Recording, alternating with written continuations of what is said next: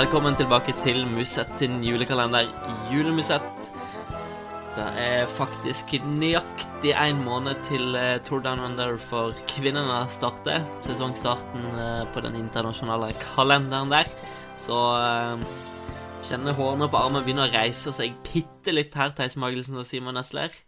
Ja, det, jeg gleder meg. Det er jo, Sykkelsesongen er jo, er jo, knapt over, og så er den nesten i gang igjen. Det, det er mange som mener at den begynner med omlopp i et newsblad, men jeg, er, jeg er ikke så gammeldags av meg, så jeg mener at så lenge det er sykkel på TV, så, så er sykkelsesongen i gang. Uh, så den starter med Tour Down Under for min del. Ja, du finner vel de som mener han begynner med både Paris-Nice, og de som mener han begynner med Milano San Remo òg, så og Tour de France er det egentlig de aller fleste mener. Sånn, uh, I hvert fall når du ser på hvem som ser på. Men eh, absolutt eh, klart, når du har World Tour Ritt, så, så, kan du ikke si at det her er et bakgårdsritt som ingen bryr seg om. Da, da er sesongen virkelig i gang. Så Turd and Under er Det har i hvert fall blitt starten på, på sesongen de siste åra. Og vi skal åpne en ny luke straks, og apropos Tour Down Under, så det er relevant med tanke på luka vi skal åpne.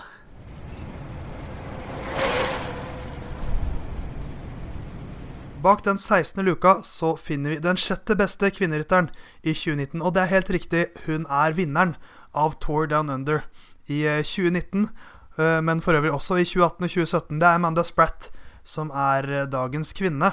Eh, men det som jeg egentlig liker best ved Amanda Spratt, er ikke det at hun har vunnet Tour de Under tre år på rad, men at hun er så utrolig stabil.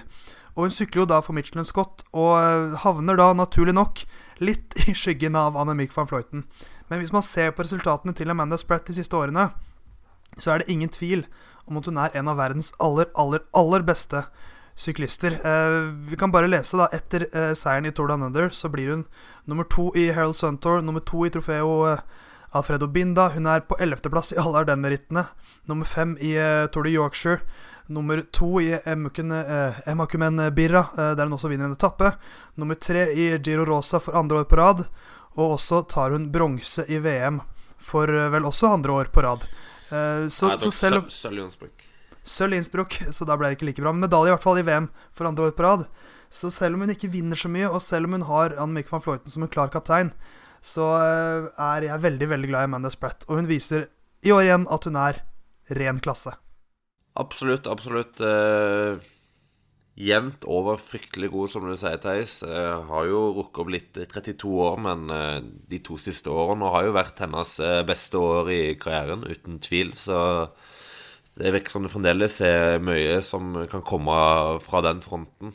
Og nå kommer vi til et år hvor hun har både en OL-løype og en VM-løype som vil passe henne veldig bra. Så det er spennende å se hva hun kan få til.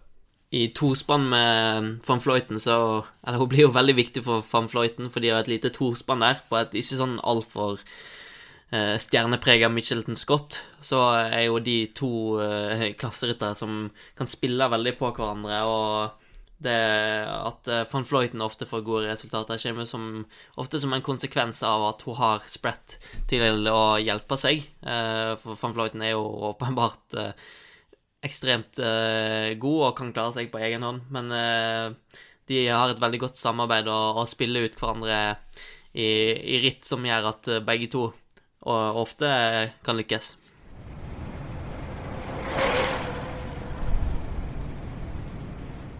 Vi hopper videre til det som eh, på vår liste er den niende beste herresyklisten i 2019.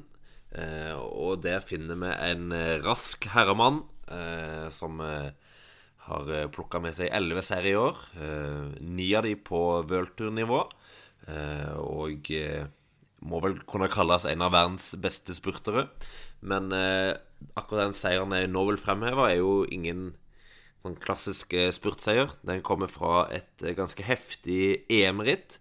Der, eh, der advar, ble det advart uh, for vind mot, på forhånd. For det, eh, de hadde en, begynte med en sløyfe på, på en del mil forbi Alkmaar, hvor det rett og slett var helt åpent, og det var vel rundt åtte-ni eh, meter i sekund på, vind, på vindstyrken. Eh, og det endte jo opp med å bli totalt kaos. Eh, men så samla det seg litt inn mot Alkmaar igjen. Men der satt Italia virkelig fart. Eh, det var jo en teknisk eh, løype. De fikk eh, strukket feltet og fikk av gårde en gruppe hvor de satt meget godt i det. Og de kjørte jevnt og trutt. Holdt feltet bak på avstand. Og på slutten så var det da Ele Viviani, Yves Lampert og Pascal Ackermann som kjempa om medaljene. Eh, Lampert og Viviani sterkest eh, på de siste kilometerne og kom av gårde. Og i spurten så var jo da selvsagt Viviani den sterkeste av de to. Og tok jo da det, det som var en fantastisk eh, EM-seier. Så viste at han eh, kan mer enn å bare spurte godeste Elia Bibiani. Ja, en av de spurterne i verden som har størst register, syns jeg. Han, eh, han, er ikke bare en, en ren spurter på de flate etappene. Han kan vinne mer kuperte ritt, han kan vinne klassikere. Og viser også at han kan vinne på måter som ikke er i spurt. Eh, dette minner meg jo nesten litt om måten han vant det italienske mesterskapet på i fjor, bare at det var en mye mer kupert løype, og at han da kjempet mot, mot Pozzo Vivo og ikke Ackermann f.eks. Men, men bare det at han er så offensiv i hodet sitt, at han går med på dette angrepet, at han er såpass fryktløs som det han er, og at han da selvfølgelig klarer å avgjøre det, Eh, for, for, det blir jo ikke da avgjort i en spurt mellom de tre. Det er jo Lampert og Viviani som kvitter seg med Ackermann, og så er Viviani ganske suveren. Så elleve seire, ti på, nei, ni på worldtour-nivå, én eh, i EM. Det, det, det, er kun store seire på han i år.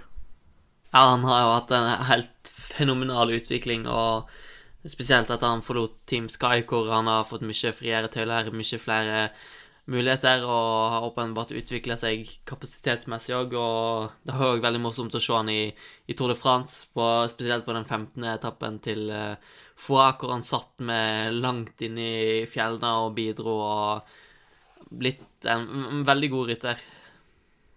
Ja, Det hadde jeg helt glemt, hvor bra han var i, i fjellene i Tour de France. Ja, og så tok han jo òg sin første etappeseier i Tour de France, eh, så det var jo åpenbart noe som, eh, som eh, har betydd veldig mye for han å få muligheten der. Det hadde han aldri fått i Team Sky, eller Team Ineo, som det heter nå. da Så han har jo virkelig fått ja, ut potensialet sitt i The Cunning Quickstep, hvor han har fått et helt lag bygga rundt seg. Og nå går han jo videre til, til Coffedis, da. Uh, han har fått et, for å si det rett ut, et bedre økonomisk tilbud, og det Sånn er jo, sånn er jo verden. Uh, men han får jo fremdeles relativt god støtte der. Har fått med seg Sabatini, og så kommer bl.a. Conson inn, og Laporte er vel eh, nevnt som en eh, fyr som skal jobbe litt for Viviani òg, så det blir spennende å se om han klarer å fortsette den bølgen han har vært på nå de siste to åra.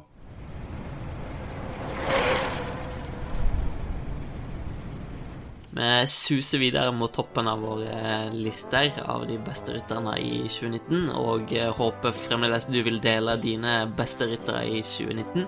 Altså de beste internasjonale sykkelrytterne i 2019, både damer og herrer. De tre beste dine vil vi gjerne få høre om på Facebook i kommentarfeltet til procycling.no der.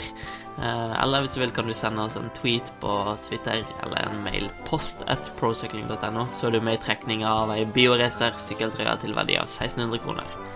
Så vi er snart på plass med en juleuke.